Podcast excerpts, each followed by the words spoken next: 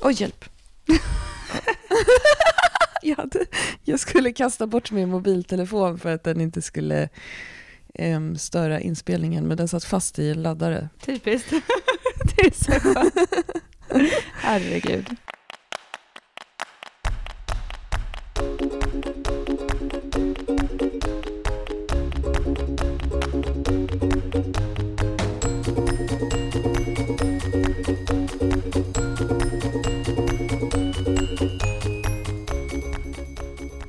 Morgon. God morgon. Barbie. Nu sitter vi här igen efter en veckas frånvaro av varandra, typ. Ja, precis. Vi, vi har ju börjat föra eh, statistik över era sjukdomar hemma hos er nu, stackare. Fan. Vad har vi kommit fram till? Influensa, halsfluss, kräksjuka och vattkoppor nu Ja, på fyra ja, veckor. Ja, men det känns bra. På fem veckor är det faktiskt, under fem veckor. Jag tror vi hade ändå typ tre dagar som var tomma i kalendern. Åh, Ja, men det är så sjukt. Alltså, fan.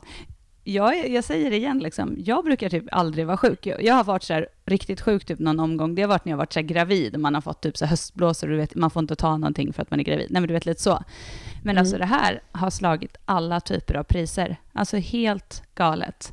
Liksom, det var typ här om nu för några dagar sedan ju som bara låg jag så på natten och bara mm, jag känner mig lite illamående. Så bara, jag är nog bara hungrig, jag chillar lite till så här. Så bara, nej det är nog inte. Så bara, nej det var kräksjuka. Ja, och sen så körde, eller Ludde fick det faktiskt först och sen fick Lovisa också. Så att, ja. Och sen lagom när det börjar bli så här, okej nu har alla kräkts klart, nu ska vi typ inräkna de här 48 timmarna då som är de liksom, innan man typ får umgås bland folk igen, som är någon så här klassisk gräns på dagis. Så bara, ehm, vänta, Ludde har några prickar på kroppen. Då Åh. bara, ja, Ludde har fått vattkoppor, vad härligt. Ja, men då kör vi vattkoppor nu också, för det är ju typ en och en halv vecka minst.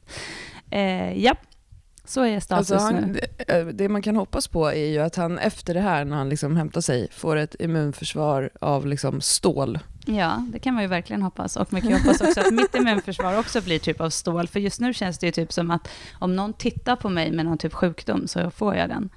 För att typ man är så här sliten liksom. Ja, men jag tror fortfarande på att du ska ha sånt där tältdräkt när Ja, du du är ute bland folk nu. Att du står och jobbar i gymmet med dina kunder inne i någon slags dräkt Ja. som du... De bara, vad gör du? Jag bara, nej, jag försöker bara att inte få baciller på mig. Ja, nej men det är faktiskt helt galet. Men eh, som sagt, eh, det var en, en eh, som brukar träna med oss som skrev så här, när det är sådana här situationer, då brukar jag tänka ändå så här, vi är friska i övrigt, vi mår bra, vi har ett liv som vi vill ha, typ. Alltså lite så. Mm. så här, typ, jag vet att det inte är så kul att höra nu, men typ pepp så här. Och det är ju ändå så, man måste ju verkligen tänka så. Det är inte så att vi är själva och var sjuka, så att jag menar, det är inte så. Jag säger det hela tiden så här, jag tycker liksom inte synd om mig själv, jag är bara så trött på det. Eh, Mm. Att det är så här, det är så jäkla, man blir så här grinig och det är så tråkigt liksom. Och sen är det ju Ja. tråkigt när man vill, liksom när man känner att man hela tiden vill någonstans, att det är så här, eh. Så nu var det ändå så här, nu hade jag tränat ett pass och känt så här, det var första passet jag kände ändå, ja men Mm. nu är det ändå så här, idag var det inte så galet. Så kändes det i kroppen, att kroppen var ändå lite med. Så här, även om det inte var svintunga vikter så var det ändå så här, Mm. ja men det känns ändå som, får jag, göra, får jag göra några sådana här pass så är jag liksom på banan igen. Mm. Men eh, tji fick jag. Så ja, jag, fått, jag tänker hela tiden så här, okej det finns en mening med det här, vi kommer komma ur det starkare och sen jävlar. Det, när, jag, när jag såg vattkopporna på Ludde, då kände jag bara så här, nu vet jag typ inte om jag ska skratta eller gråta liksom. Alltså det var verkligen Nej. så, jag bara, ja men du skämtar. För även om det är så här, ja alltså det är han som är sjuk och vi kan jobba och vi kan hjälpas åt. För det som har varit lite, nu har jag också varit så här att typ nu har ju jag varit hemma för att typ jag har ändå inte varit jobbfräsch själv.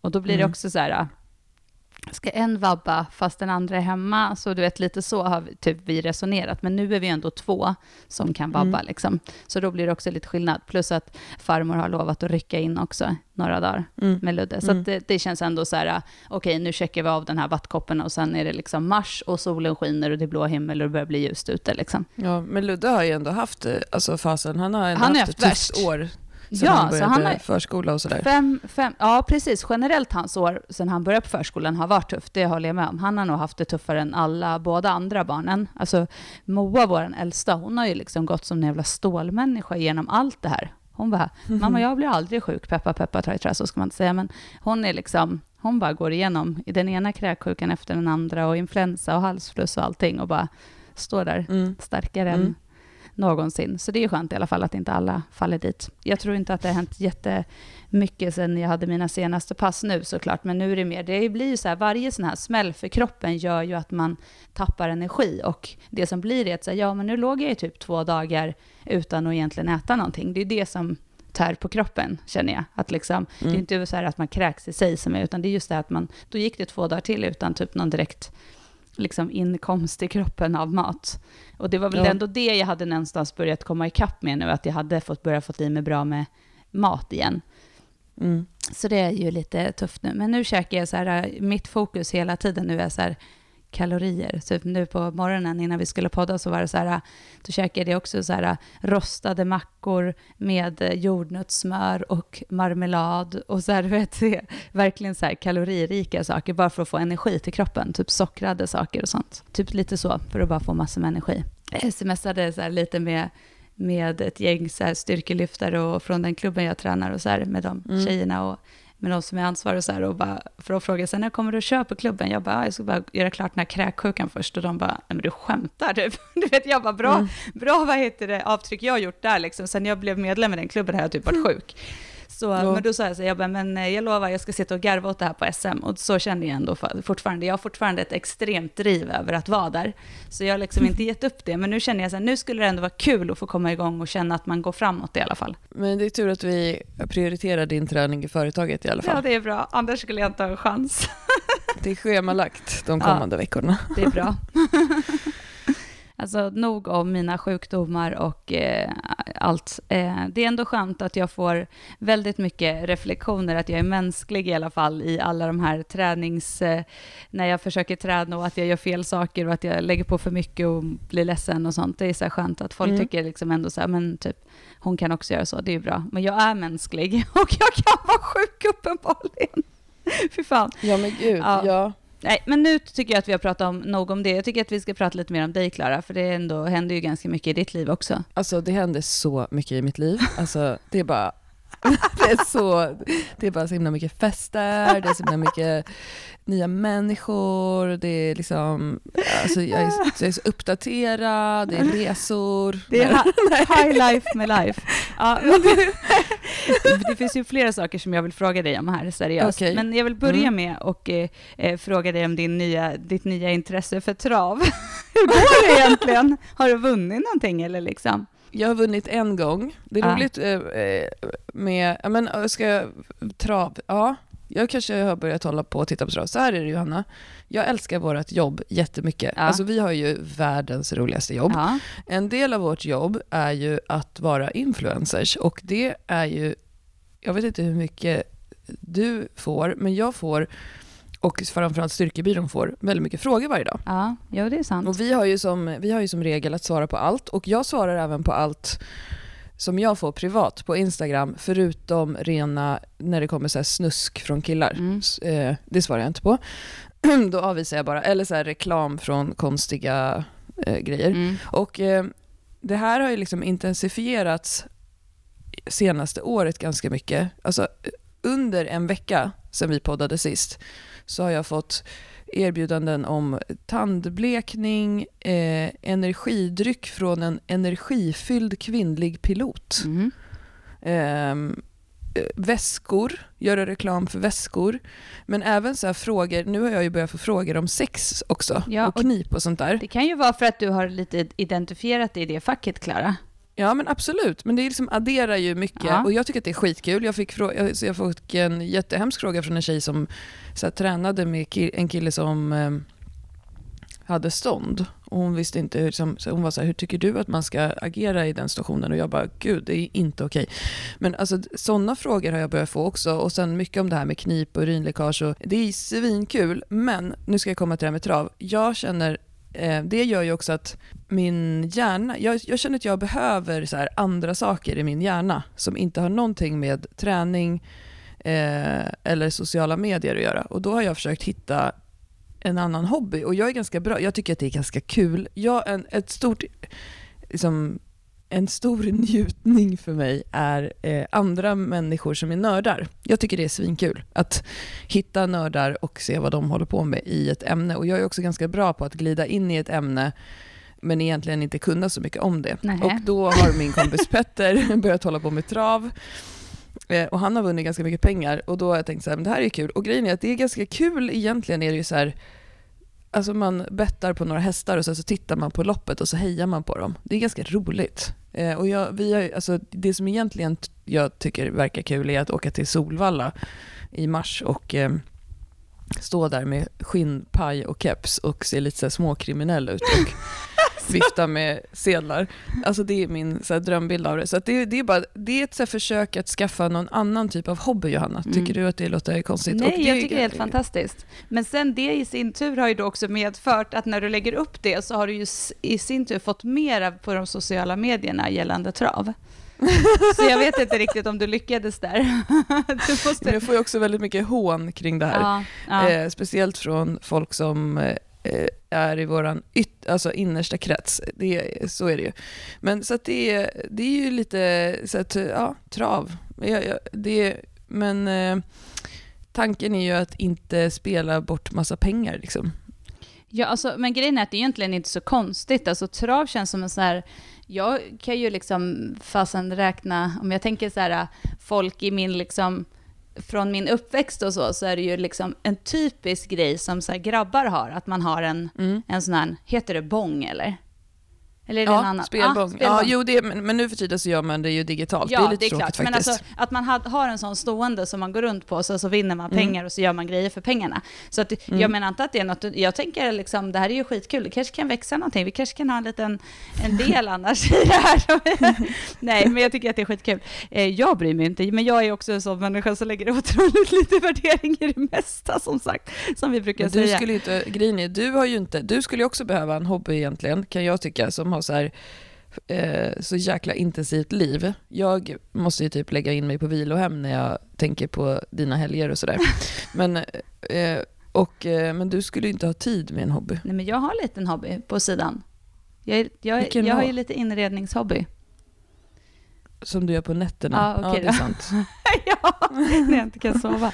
Ja, men, ja, men det, alltså, på riktigt, ja, men det är bra för dig. Ja. Jag håller med om det. jag vet inte om min man tycker det. Han tycker typ att jag kan... Jag hade ju en period när jag tog bort alla inredningskonton typ från mitt Instagram för att det gick lite överstyr. Mm. Men nu har jag så börjat smugit in dem igen, så jag vet inte. Men jag, alltså, jag tycker också så här, jag borde typ ha en hobby att så här, läsa en bok eller kolla på en serie. Det borde typ vara min hobby. Mm. Eh, så, eller så här, gå ut och gå en promenad och lyssna på musik, inget annat. Typ ja, tom tuve. Men ja, mm. men jag, det blir mitt nästa liv eh, som jag gör sånt. Alltså jag, jag är... Men jag är lite likadan och det är ju det här också så här, eh, ibland när jag tänker på, på, på det liksom, fasen det är ändå rätt intensivt att driva ett eget företag som, alltså att också, som bygger väldigt mycket på relationsmarknadsföring samtidigt som man ska ha familj och privata relationer och sådana saker. Och det är lätt att eh, liksom gå...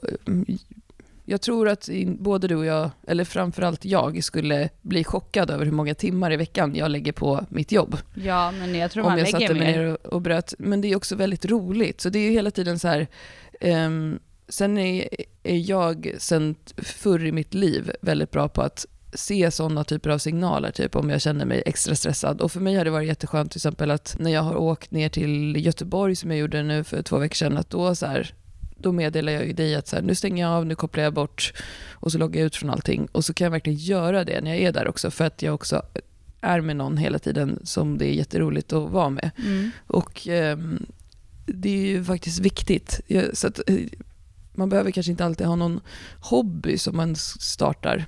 Nej, men generellt eh. att checka ut är ju viktigt för, generellt för människor. Alltså, det är oftast blir det också så här, eftersom det är så att man kanske hänger ganska mycket på sociala medier i jobb, mm. det jobbmässiga, så liksom, eller man sitter och kollar mig, alltså att det är ju hela tiden de grejerna, så blir det ju också så här, den här gränsdragningen till så här, är det privat nu eller är det fortfarande mm, jobb? Det finns den inte. blir liksom ganska oklar, vilket gör att det blir ganska mycket timmar som man lägger på det ena eller andra.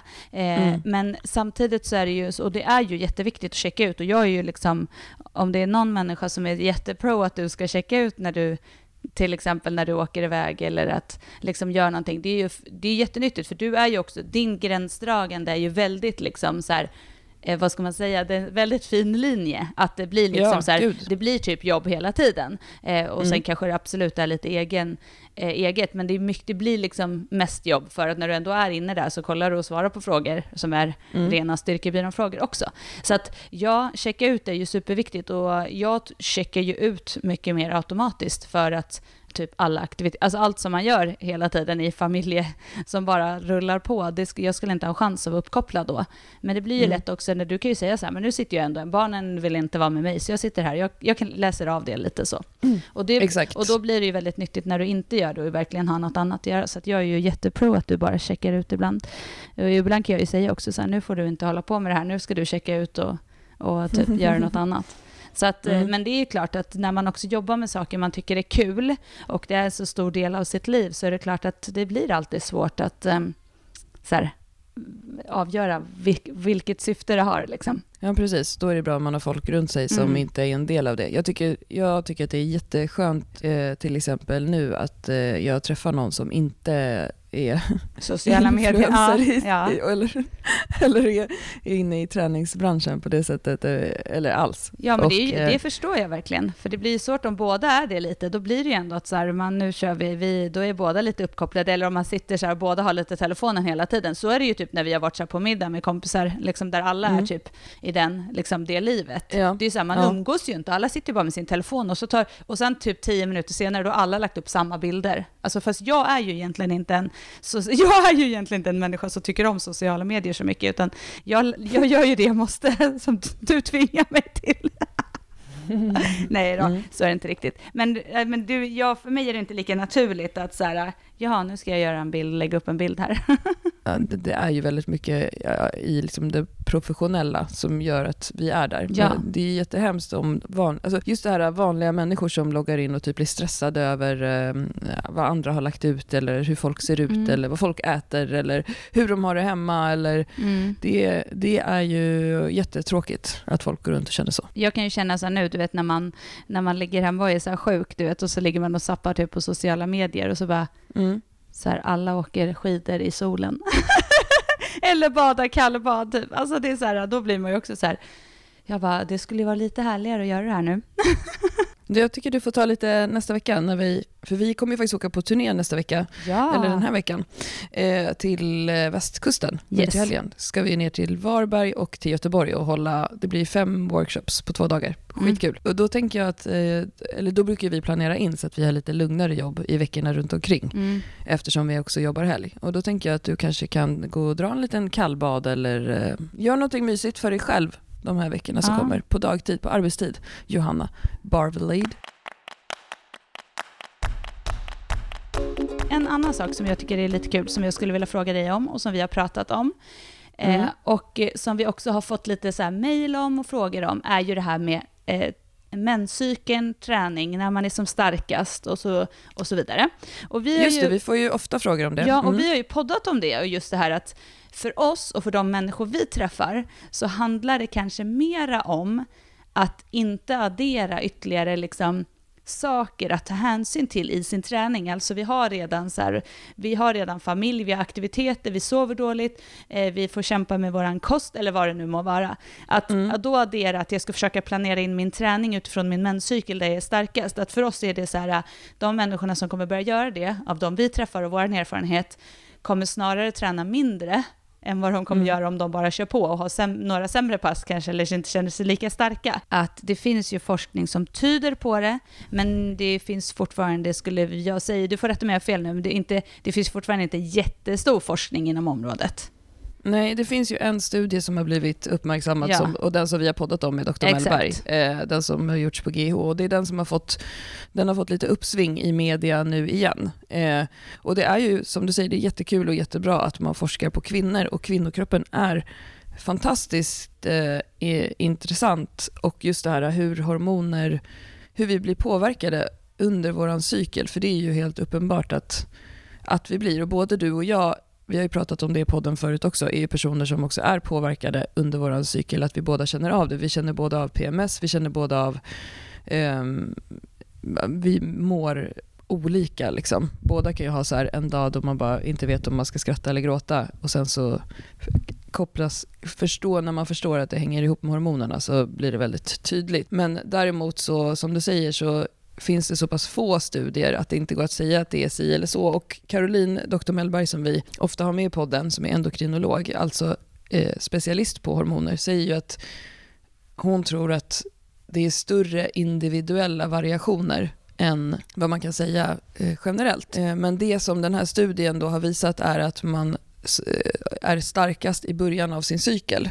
Alltså menscykeln startar ju från den dagen man får mens. Och så räknar man dag 1, 2, 3, 4 och så brukar man ha ägglossning någonstans i mitten. Och, sen, och då ändras ju eh, hormonerna i kroppen under hela den här perioden. Och det som studien har visat är att man då eh, borde förlägga sin, sina tunga lyft i början av cykeln. Ja. Eh, men som du säger så kan det ju vara eh, dumt att hänga upp sig på det om det är så att man ska tänka på massa andra saker också. Men det som var lite roligt var att jag hängde upp mig på det häromveckan för att jag eh, bestämde mig för att jag skulle maxa i böj eftersom att jag för två veckor sedan tyckte att det var otroligt lätt att göra 10 stycken reps på 97,5% av mitt då tidigare ett RM. Så, och så skulle jag precis få mens, så tänkte jag så här, men jag väntar tills den kommer då, för nu borde jag egentligen vara svagast tänkte jag i slutet på cykeln. Jag väntar tills mensen kommer och då eh, provar jag att maxa. Och då gjorde jag precis som vi brukar säga att folk inte ska göra. Jag sket i att träna. Jag brukar träna fem pass i veckan ungefär. Um, och struntade i att träna över helgen för att jag gick och väntade på att få mens. Alltså, och att jag då skulle vara, för att in, när, man, när man ska göra ett maxlyft så vill man kanske då vara lite fräschare än vanligt. Jag ville ju då inte göra massa böj innan eller massa marklyft eller någonting. Men jag kunde ju ha gått och bänkat liksom. Nej, det gjorde jag inte. Utan jag låg och väntade på min mens. Och sen, och sen kom den. Eh, och så eh, sa jag ju till dig så här, idag kör vi. Jag visste att du skulle komma till jobbet också, så kunde jag få passning. Eh, var aspeppad la på upp till 100 kilo på stången, som då var en vikt som för två veckor sedan var superlätt. Gjorde en böj på 100 utan passning just för att jag tänkte så här, det här kommer ju vara lätt. Och så var det svintungt. Och sen blev du skitsur för att du skulle vara stark för att du hade mens. ja, men allting var ju helt konstigt med det passet. Jag kände mig ofokuserad, svettig, eh, svag, Eh, jag blev distraherad av att det ställde sig en crossfittare och hoppade hopprep på min plattform. Eh, jag började skälla ut henne och samtidigt racka av min stång för att jag bara, nu skiter jag i det här, för att jag blev så sur. Och då tappade jag skivstången i golvet.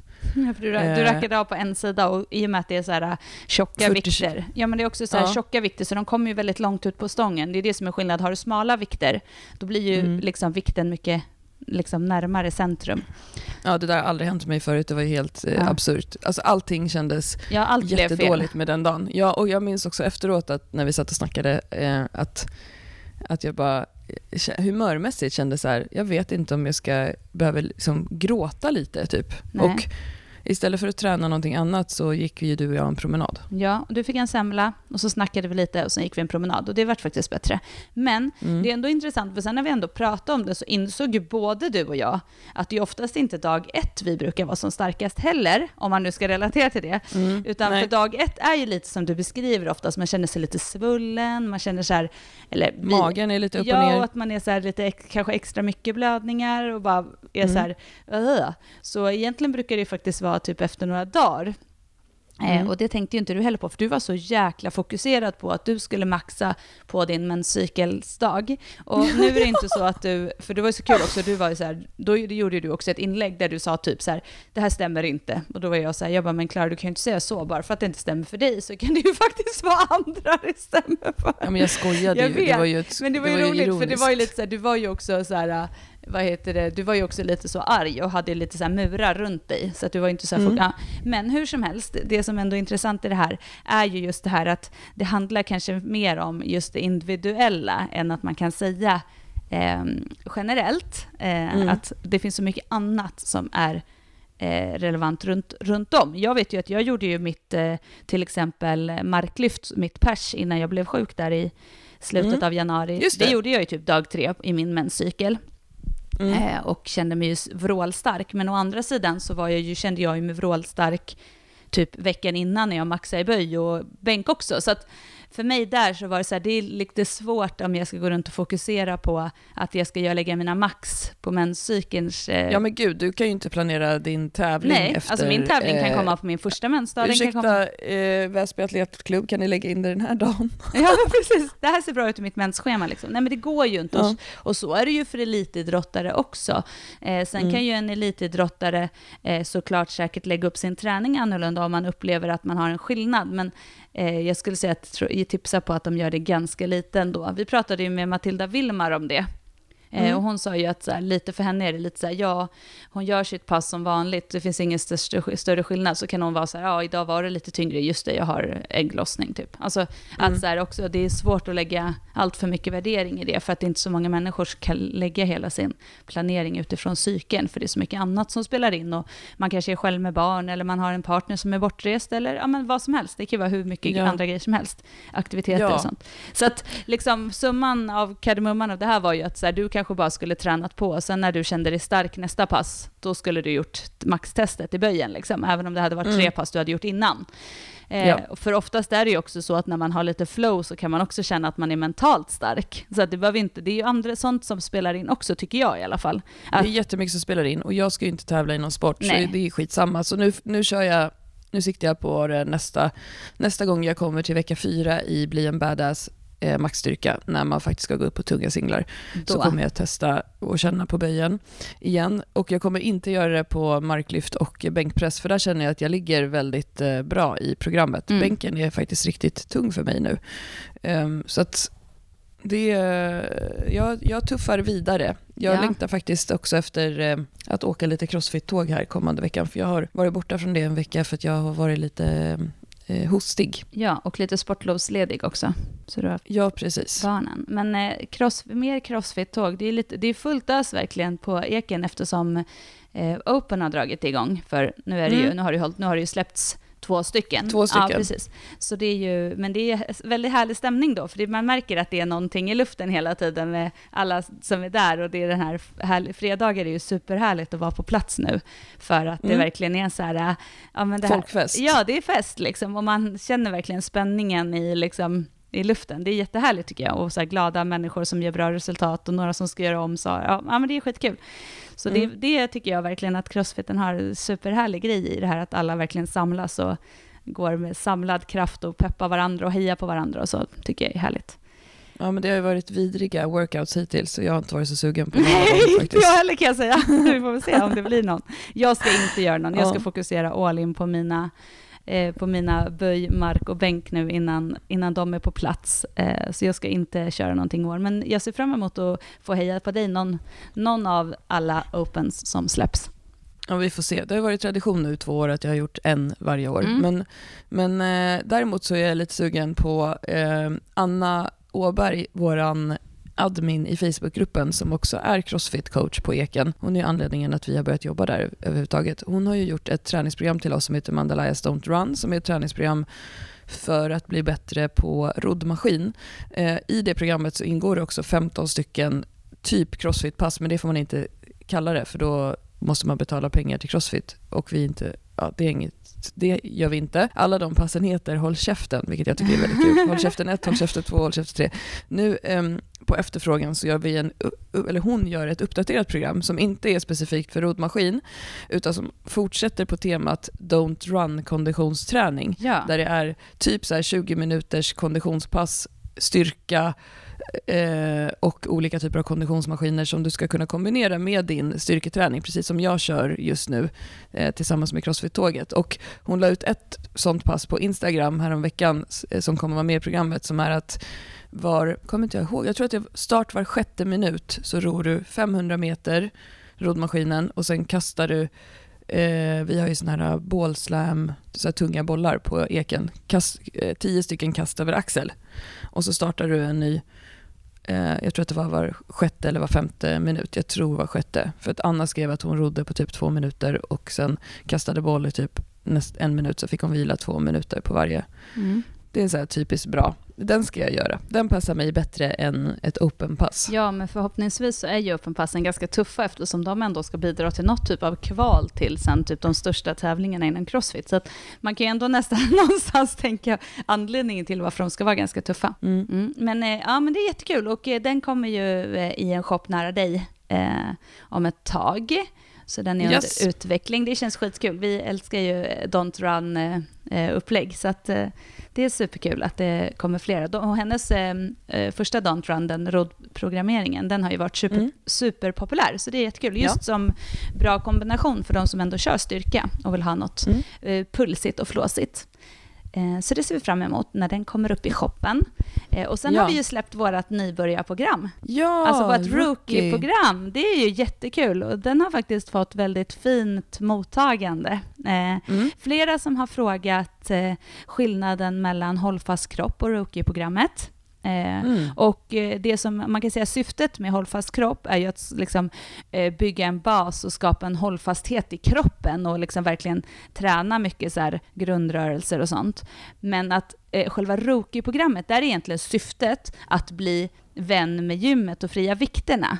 Eh, alltså mm. där är det väldigt så här, eh, basprogram. Det är liksom inte massor med olika, utan det är så här, det går långsamt och lugnt framåt och det är typ så här, du kan klara dig på en hantel och typ ett gummiband och din kropp, liksom första delen. Alltså det är väldigt så här, lite redskap, inga komplicerade övningar. I, hållfast kropp så är det ändå svingar och alltså det är liksom och det är mer ett cirkeltänk i hållfast kropp. Ja, precis. Alltså du sätter ihop fyra övningar och så gör du dem kanske tre, fyra varv. Ja. Här är det ju mer, du gör dina knäböj, du går vidare till nästa ja. övning. Pressar, du går vidare till nästa övning. Höftfällning.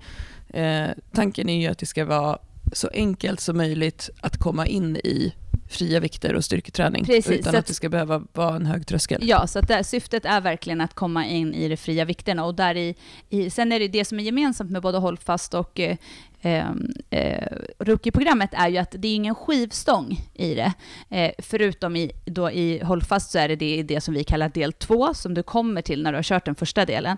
Och mm. i Rookie-programmet så är det det sista blocket som du då kan välja om du vill göra eller inte, utan du har fortfarande fem block att jobba igenom med egentligen hantlar och sådana här TRX-band, eller ringar. Eh, mm. Så att, ja, det, det, är egentligen skillnaden. Att Rookie-programmet är verkligen för dig som här, inte kanske tycker att du har vågat eh, träna med fria vikter eller att du aldrig har varit på ett gym, så ska du ändå känna att så här, med det här programmet våg, kan jag våga ta det steget. Men det är inte att du måste in bland skivstängerna i det programmet, utan det handlar fortfarande om hantlar och gummiband och sådär. Men det känns kul. Mm. Vi har, det är några som har redan som har köpt och är taggade att komma igång. Eh, så det känns jättespännande att se vad, vad de tycker.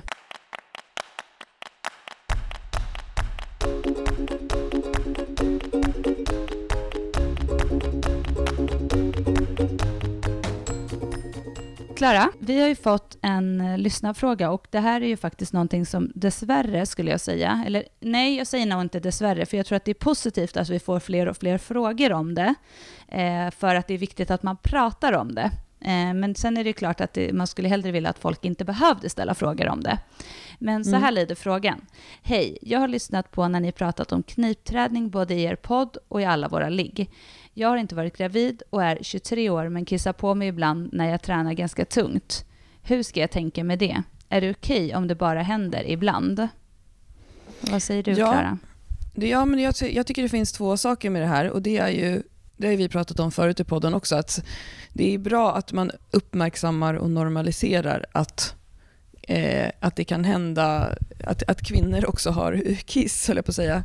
Eh, eller kvinnor, att vem som helst. Alltså att det, kan, det finns bieffekter med, Eh, med träning ibland. Det jag syftar på är till exempel att det blev en film som blev väldigt populär inom Crossfit för några år sedan var att de lyfte fram att det är väldigt många som kissar på sig när de hoppar hopprep, alltså double unders.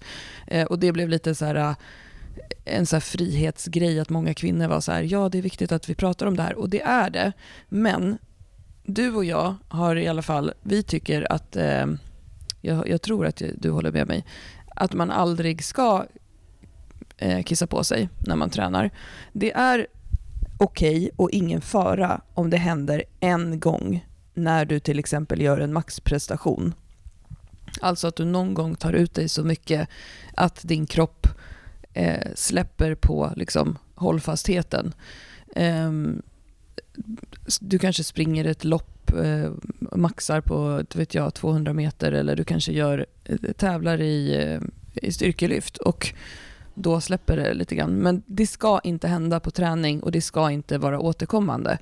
Det eh, är någonting som man då behöver ta itu med tycker jag. Och det som jag sa i Alla våra liggpodden och som vi har sagt i vår podd också som är väldigt peppigt ändå är ju att 80 procent, det här har man sett i metaanalys gällande knipträning, 80 procent av alla kvinnor med urinläckage som kniptränar regelbundet i tre månader blir eh, hjälpta av det, av knipträning. Så det är nummer ett, det är ju väldigt positiva utsikter. Sen kan man ju då om man tillhör de som inte hjälper så kan man få hjälp med det.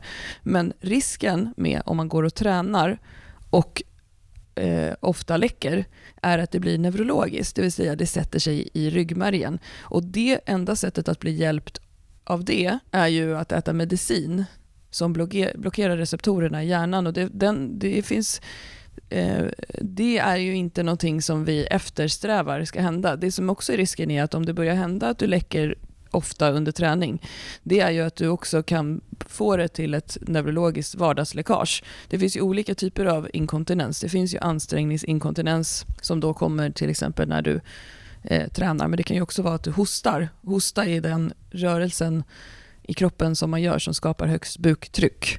Eh, men det, risken är ju också att det, att det spiller över i, i vardagen och det är jättetråkigt att vara en person som står och väntar på bussen och kissar på sig Alltså det är inte bra för kroppen. Så att nej, eh, du ska inte kissa på dig på träning. Ja, du behöver göra någonting åt det. Eh, även om folk tycker att det är kul och häftigt att liksom, starka personer lägger ut på Instagram att de tog i så att de pinkar på sig. Det, det är inte någonting som är bra. Vad säger du Johanna? Nej, men jag håller med dig och, och som vi brukar prata också om, allting handlar ju om vad sätter du för krav på din kropp. Om det, kravet på din kropp är att lyfta tungt, då måste du ju hela tiden, för att bli starkare och, och hålla, så handlar det hela tiden om att stärka den svagaste länken. Och är bäckenbotten den svagaste länken, så behöver ju den också stärkas för att hänga med i de tyngre vikterna. Eh, mm. och jag, som sagt, det jag tror, om jag ska, om nu generaliserar jag, och det kommer säkert vara någon som tycker så här, men så där är inte alls det. Men eh, för väldigt många som jag träffar, så är det mm. många som faktiskt inte har lagt någon energi på knipträning. Alltså att mm. man liksom säger, men jag blir aldrig bra, och så kommer man lite närmare problemet, och så pratar man om det, och så bara, nej men jag kanske kniper ibland. Alltså, och, och mm. det kan jag ändå tycka så här, ja men det krävs att vi kniptränar och även om man inte har problem idag så kan man faktiskt få problem när man blir äldre om man inte kniptränar. Så att, liksom, det är jättestor risk att man får det. Ja. Det är jättevanligt med urinläckage så att, eh, för äldre personer. Och jag tänker att allting, även om det är så här, men jag ska inte lyfta tungt, nej, då är det klart, då behöver du inte fokusera på att du inte ska läcka när du lyfter tungt om du inte gör det. Men du har ju fortfarande en vardag som ska funka och som du sa, man vill ju kanske inte vara den personen som kissar på sig för att man nyser. Alltså, det är inte, det är ju ingen, man ska inte behöva känna att man är tillbaka, liksom inte kan ju ha ett, vad ska man säga, det liv man vill ha för att man har läckage. Men när det gäller just träning och liksom det gäller all typ av träning så kan jag tycka att att eh, man ska inte behöva ha de problemen. Då tycker jag också att man ska se till att göra något åt det eller ta hjälp. Kolla upp det om man har gjort och knipit eh, under en längre tid och det inte hjälper. Nej, men gå och kolla mm. upp det hos en, hos en expert eh, så att du liksom ja. får ordentligt med hjälp. För att som sagt, vissa som du sa, de behöver göra ett ingrepp för att det ska hjälpa. Men gå inte och mm. normalisera mm. det och låt det liksom vara någonting som är okej. Det tycker inte jag heller. Nej, för det är en dysfunktion och risken är att det spiller över i vardagslivet. Mm. Och som sagt, att, att vara på jobbet, att vänta på bussen, att eh, stå i köket, att, eh, alltså, att vara ute på krogen med dina kompisar. Du ska inte behöva vara rädd då för att kissa på dig. Det är eh, inte bra. Nej, grymt. Så nej, mm. icke icke-kiss när man tränar. Men vi, jag, jag, tror att vi, alltså, vi, vi får fortsätta lyfta de här frågorna med knipträning och urinläckage och sånt ofta för att det är inte många som gör det Johanna och jag tror att det är därför det också finns inte så mycket kunskap om det. Men, så vi får driva det lite som en mission tycker jag. Det tycker jag definitivt för det är viktigt och båda vi är ju, vi drivs ju liksom av just hela den här grejen om kvinnlig styrka och det där definitivt är ju en stor del i det. Att mm. stärka mm. kvinnor. Så att självklart, det där det är inte slutpratat om knip och det kommer mera gällande det. Det kan vi ju lova, eller hur Klara? Yes.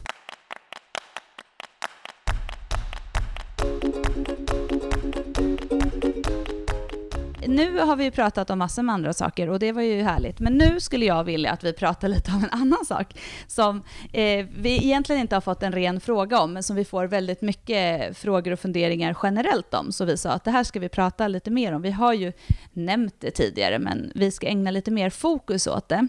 Och det är ju det här med djupet i knäböj. Hur djupt mm. ska man gå? När jag går så här djupt, eller när jag inte går så djupt, då kan jag ta tyngre. Men så fort jag går djupare, då tappar jag min teknik. Ja, men ska jag då istället ta av vikten och gå djupare? Eller ska jag fortsätta träna med det djup som det funkar och öka vikterna? Eh, mm. Det är ju funderingar som oftast dyker upp eh, i våra flöden och i mejlinkorgen och sådär. Eh, mm. och även på grupper och sånt när vi har. Eh, och liksom, vad är dina tankar kring djup. Eh, om man, liksom, om man har en vikt och så kan man öka vikten ganska bra i sin träning, men man går inte speciellt djupt. Och när man då går djupare så tappar man tekniken. Man börjar fallera i ryggen och man börjar krumma ryggen och så, så att vi egentligen mm. tappar det här som vi säger är viktigt. Det är, alltså, vi skulle kunna bara sammanfatta hela temat och säga så här, det beror på. Yes. Vad är ditt syfte? Bra, då gör vi det och så tar vi en kaffe. Nej, jag skojar. det blir ett skittråkigt avsnitt. Nej, men, eh, för det gör ju verkligen det. Det beror ju på vad som är syftet med din träning. Och det, det, det är ju så här, ska du tävla i styrkelyft som du ska göra Johanna, mm. ja, då kommer du behöva eh, göra en så tung knäböj som möjligt eh, under parallell, som man brukar kalla det, när lårbenet är eh, parallellt med golvet eh, för att det ska bli godkänt. Men sen finns det andra aspekter att ta hänsyn till också. Och tittar man forskningsmässigt på eh, liksom utvecklingen för personer som har fått göra grunda och djupa böjar. Det här har man ju tittat, det är faktiskt ett väldigt välstuderat ämne. Um, och det handlar nog mycket om att man förr trodde att det var skadligt för kroppen att, gå, att göra djupa böj. Man trodde att det var dåligt för knäna och så vidare. Eh, men det som man kan se sammanfattningsmässigt idag är ju att du får en eh, större hypertrofi om du kan göra djupare böj, det vill säga en, en ökad muskulatur. Eh, och att du får en ökad hypertrofi kring, kring just knäleden. Eh, och att du får en ökad hypertrofi i kvadriceps, framsida lår, om du kan göra djupare böj. Och en ökad hypertrofi, alltså en ökad muskelvolym, kommer ju också göra att du kan lyfta tyngre. Och eh, en känd studie där man tittade på eh, personer som fick göra grunda böjar och personer som fick göra djupa böjar och personer som fick göra båda och. Visade ju att de som gjorde djupa böjar ökade sitt max både i de grunda och de djupa medan de som bara gjorde grunda ökade bara sitt max i grunda men eh, gick inte lika bra i att göra djupa. Så att sammanfattningsvis tycker jag att man kan säga att eh, så djupa man kan med en god teknik kommer ha positiva effekter på vilken typ av böj eh, som helst. Men det som är realiteten då, om man går till våra kunder och de personer vi träffar, det är ju att, som du sa innan, alla kommer inte ner i en djup böj. Och vi träffar också ofta personer som har knäsmärta och sådana saker. Och då får man ju alltid hitta liksom, en, en väg framåt med den personen. Jag hade en kvinna som kom till mig för några veckor sedan i just teknik i böj. Eh, hon var orolig för att hon inte hade en bra teknik i böj. Hon hade en bra teknik i böj, men hon kanske inte gjorde jättedjupa böj. Eh, och mitt råd till henne, eftersom att böjen var fina, var att eh, plocka av vikt och jobba med djupare böj. Hon kör som testpilot för vårt kommande böjprogram, Bli böjsäker. Eh, till exempel där är det boxböj. Helt vanliga böj där du står som du brukar göra utan box, men att du går ner och sätter dig på en låda som är just under parallell. Då fick hon plocka av ganska mycket vikt. Så jag sa, fortsätt jobba med det, fortsätt att jobba med djupet, men fortsätt också att göra dina lite tyngre grundare böj. Så att du kombinerar båda, att du både får lägga på vikt på kroppen, jobba med en fin rörelse, men att hela tiden också eh, utmana djupet. För det tror jag att hon kommer ha eh, nytta av på alla plan framåt. Mm. Ja. Hur, hur brukar du jobba ja, med jag, det där? Jag håller med. Jag, har, det är som sagt, jag skulle säga också så att det är flera saker att ta hänsyn till. Det är lite så också hur mycket vikt är det när det är mycket vikt och lite vikt. Alltså titta mm. på att många personer som vi träffar, de har också väldigt stor nytta av, eh, för det mentala, att få ha lite extra vikt på ryggen. Eh, och mm. därför så brukar jag oftast inte vilja plocka bort eh, de här lite tyngre böjen som kanske inte är lika djupa, för att det ger också en mental tuffhet i att kunna ha vikt på ryggen. Eh, mm. Men så jag brukar också säga att så här, fortsätt som sagt, såvida de inte ska tävla, för då måste ändå fokuset ligga i att få tävlingsgodkända böj. Eh, och då måste det komma, det, det är alltid det här med vad är parallell och så vidare, att, att det blir lite så här, folk är lite oklara nu, men när du ska mm. tävla så måste ju liksom höftveck, höften typ vara parallellt med knät, så det kommer ju se ut som att lårbenet är lite, inte riktigt parallellt med marken, utan lite min, mer lite djupare böj. Eh, men mm. då, men om, låt säga att de flesta tävlar inte och då brukar jag också göra så att vi jobbar mycket med till exempel kettlebellböj i rackposition. Eh, mm. Att lägga till det. Eh, och att vi varierar med att köra lite lättare böj och gå djupare för att som du sa, enligt den här eh, forskningen man har gjort och tittat på, så finns det alltså en vinning i att till och med jobba med lättare böj men med större rörelse, så kommer du ändå bli starkare i ditt 1 mm. Alltså i ditt 1 repetition max. Så att mm. eh, för många så handlar det om att, att ta vikt och jobba med eh, att komma ner i djupet, om det funkar. För vissa funkar inte det även om de tar av vikt. Och då brukar jag istället jobba med andra typer av böj, men att fortsätta jobba med sina vanliga böj. Eh, mm. Sen så kan det ju vara så här för många också, så är det så att man, vi behöver bara titta lite och flytta ut lite fötter eller ändra lite händer, eh, prata om liksom buktryck. Så att för en person som lite så här självdiagnoserat sina böj kan det ju faktiskt mm. vara så ja, men att man liksom inte riktigt vet vad man ska kolla på, att det kan räcka med att korrigera lite, så börjar man ändå känna att det känns tryggare att gå djupare till exempel. Eh, mm. så att, och att man, får lite, man skapar liksom bara en bättre förutsättning för sin egna kropp att gå djupare. Så att ibland kan det faktiskt räcka och så kan man helt plötsligt gå djupare. Men jag tycker framför allt att liksom, var inte rädd för att ta av för att gå djupt, för att det kan ju faktiskt vara så att man har gått lite fort fram för att man gärna vill höja vikterna. Men, låt, ja. men böj också med lite tyngre vikter och inte under parallell om det funkar bra för dig. Men som mm. sagt, ehm, variation tycker jag för många av de här personerna ger bra resultat, men böj framför allt. För att för många är det så här när man pratar också, så är det så här, hur länge har du böjt liksom regelbundet? Och då kanske det knappt är liksom några månader. Då är det också svårt att hålla på att utvärdera sin teknik. För då kanske det bara mm. handlar om att du behöver bli starkare i hela kroppen. Ja, precis. Att, och, men du, och lite är det så här, okej, okay, du ska tävla i en sport Johanna, du behöver böja eh, lite djupare. Eh, men, men även om man inte ska det, alltså är du en vanlig motionär som vill bli stark, så, så tyder ju eh, forskningssammanställningar som metaanalyser på att det också är bättre ja. att böja djupt. Alltså det visar ju till och med att eh, det är ett bättre sätt att stärka Eh, knäleden och göra den mer stabil. Och många idag har ju liksom vardagssmärtor i knän eh, och, eller höftled och sådana saker. Då är det också bättre att göra så djupa som möjligt. Så det är ändå att rekommendera att eftersträva det. Sen har vi ju den här kategorin personer som kommer till oss som är så superrörliga och när man säger sätt dig ner i en böj så sätter de sig ner så att rumptyget på kläderna nuddar golvet nästan, men har ingen som helst anspänning i den rörelsen. Och då kan man nästan behöva begränsa den lite åt andra hållet, att vi ser hur djupt du kan gå med utan att släppa. Eh, för många eh, som är så rörliga i sin böj hamnar ju i, den, eh, i det läget att de sätter på en vikt på ryggen, en stång och sen så går de ner och så håller de anspänning, anspänning, anspänning och sen i den sista delen så tappar de och mm. liksom släpper lite. Eh, och då kan man ju behöva jobba åt andra hållet, att man liksom begränsar det lite grann. För att vi vill ju alltid, det är ju samma som den här diskussionen, hur rörlig ska man vara? Det handlar ju om så här, hur stark är du i dina ytterlägen? Ändå. Ja, och det är det som spelar in. Och, och jag skulle säga att den generella kunden är ju snarare Eh, inte kanske att de sitter där, men har ju oftast inte ett problem med rörligheten, utan jag skulle säga för de allra flesta så handlar det om att hitta sin rörelse och att bli starkare. Att det är inte mm. liksom, jag har inte rörligheten, därför tappar jag. De, av de få killar som, som jag har coachat, vi har ju ändå båda två haft lite tekniktimmar med killar och haft eh, eh, mm. eh, manliga eh, PT-kunder. Där skulle jag säga att där kan man se tydligare att liksom, det finns inte rörligheten riktigt. Att det liksom finns mm. en inkränkning någonstans. Säger man inkränkning? Alltså att där märker inskränkning. man inskränkning, inkränkning, inskränkning, eh, som gör att... Eh, det kan vara kränkande. Det kan vara väldigt kränkande. Nej, men som gör att de inte kommer ner i en position som man kanske vill att de ska vara i.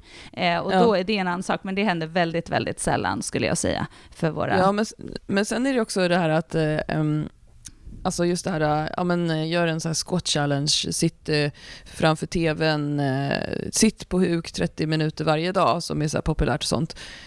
Mm, alltså jag kan också ofta ifrågasätta den typen av utmaningar därför att att bli starkare kan i väldigt många fall också göra att du blir rörligare, därför att du behöver stabiliteten och styrkan kring lederna för att kunna ta dig in och ut ur moment. Och många fastnar ju i det här med stretching och rörlighet, att det liksom bara är den vägen framåt om man känner sig lite stel. Jag har till exempel blivit mycket rörligare i bröstryggen av att bänka mycket, istället för att som förr så la jag jättemycket tid på att försöka eh, stretcha den och låg på såna rullar och, och, och grejer. Eh, men jag är ju såklart inte ex exempel på allting, men det ska man tänka på att inom så rörlighetsbegreppet så innefattar det eh, styrka och stabilitet i, i allra högsta grad. Det, det finns ingen poäng med att kunna gå ner i en spagat eh, om du vill bli stark i böj. Eller det, kanske det gör för någon, men eh, det kommer vara din styrka i ett ytterläge som ändå är avgörande. Definitivt, definitivt. Och som du säger, vi har haft en del manliga kunder, framförallt så träffar vi ju kvinnor. Eh, om vi generaliserar eller killgissar utifrån vårt perspektiv så är killar oftast eh, stelare än kvinnor. Och jag upplever att män också är mycket stelare i baksida lår, alltså i hamstrings, än kvinnor. Yes. Men Johanna, om man ska sammanfatta det här, är dåligt för till exempel knäna att knäböja djupt? Nej, det är inte dåligt. Eh, det, är, det man ser är att djupa knäböj eh, leder till större muskeltillväxt än grunda och att man får mer muskulatur kring knä och framsida lår, eh, vilket hjälper styrkan kring knäleden och att eh, det därför är snarare tvärtom, att det stärker knäna att jobba djupare. Så om man ska sammanfatta vad fördelarna är med djupa knäböj då, så är det dels att eh, det leder till större muskeltillväxt än grunda böj och, och sen att det ger styrkeökningar, som, precis som du sa, runt knäleden i fler vinklar. Och att det då, alltså, som du sa, det är inte farligt, utan det är ett bra sätt att stärka kring knäna. Men det här beror alltid på ditt utgångsläge också. Har du ont någonstans? Hur rörlig är du? Hur mycket tränar du på att böja? Träna på både och. Om man tittar på vårt program nu som kommer om ett tag, Bli böjsäker, så böjer man tre gånger i veckan. Och framförallt så är det mycket böj, men det är också variationer på böj där du får göra lite tyngre eh, eller lite eh, lättare till olika eh, djup. Yes, så variation. Variation helt enkelt. Längtar du efter att böja nu eller? Ja, men det gör jag faktiskt. Jag ska vänta lite till och sen så ska jag gå på och böja igen. Jag är avundsjuk på dina djupa böj. Ja, jag, jag, säga, jag är avundsjuk på din vila. Nej, men du gör ju väldigt djupa böj eh, på väldigt tung vikt och väldigt fina och stabila böj. Ja, men de har blivit bra. Men jag har ju också böjt väldigt, väldigt mycket senaste tiden. Så att, mm. eh, ja, och böj har ju också alltid varit min lite så här go to. Jag har böjt mycket liksom i hela mitt liv, mm. men jag har gjort mycket grunda böj när jag var yngre, för i hockeyn så var ju man kallar ju det för hockeyböj. Eh, de är inte så djupa så att säga. Men så att, ja, men jag längtar till att böja faktiskt. Det ska bli kul. Jag har eh, stora tankar om mina böj i serie 2-tävling. Ja, bra. Då hörs vi på torsdag igen. Det gör vi. Ha det bra. Kram. Kram, hej. Hej då.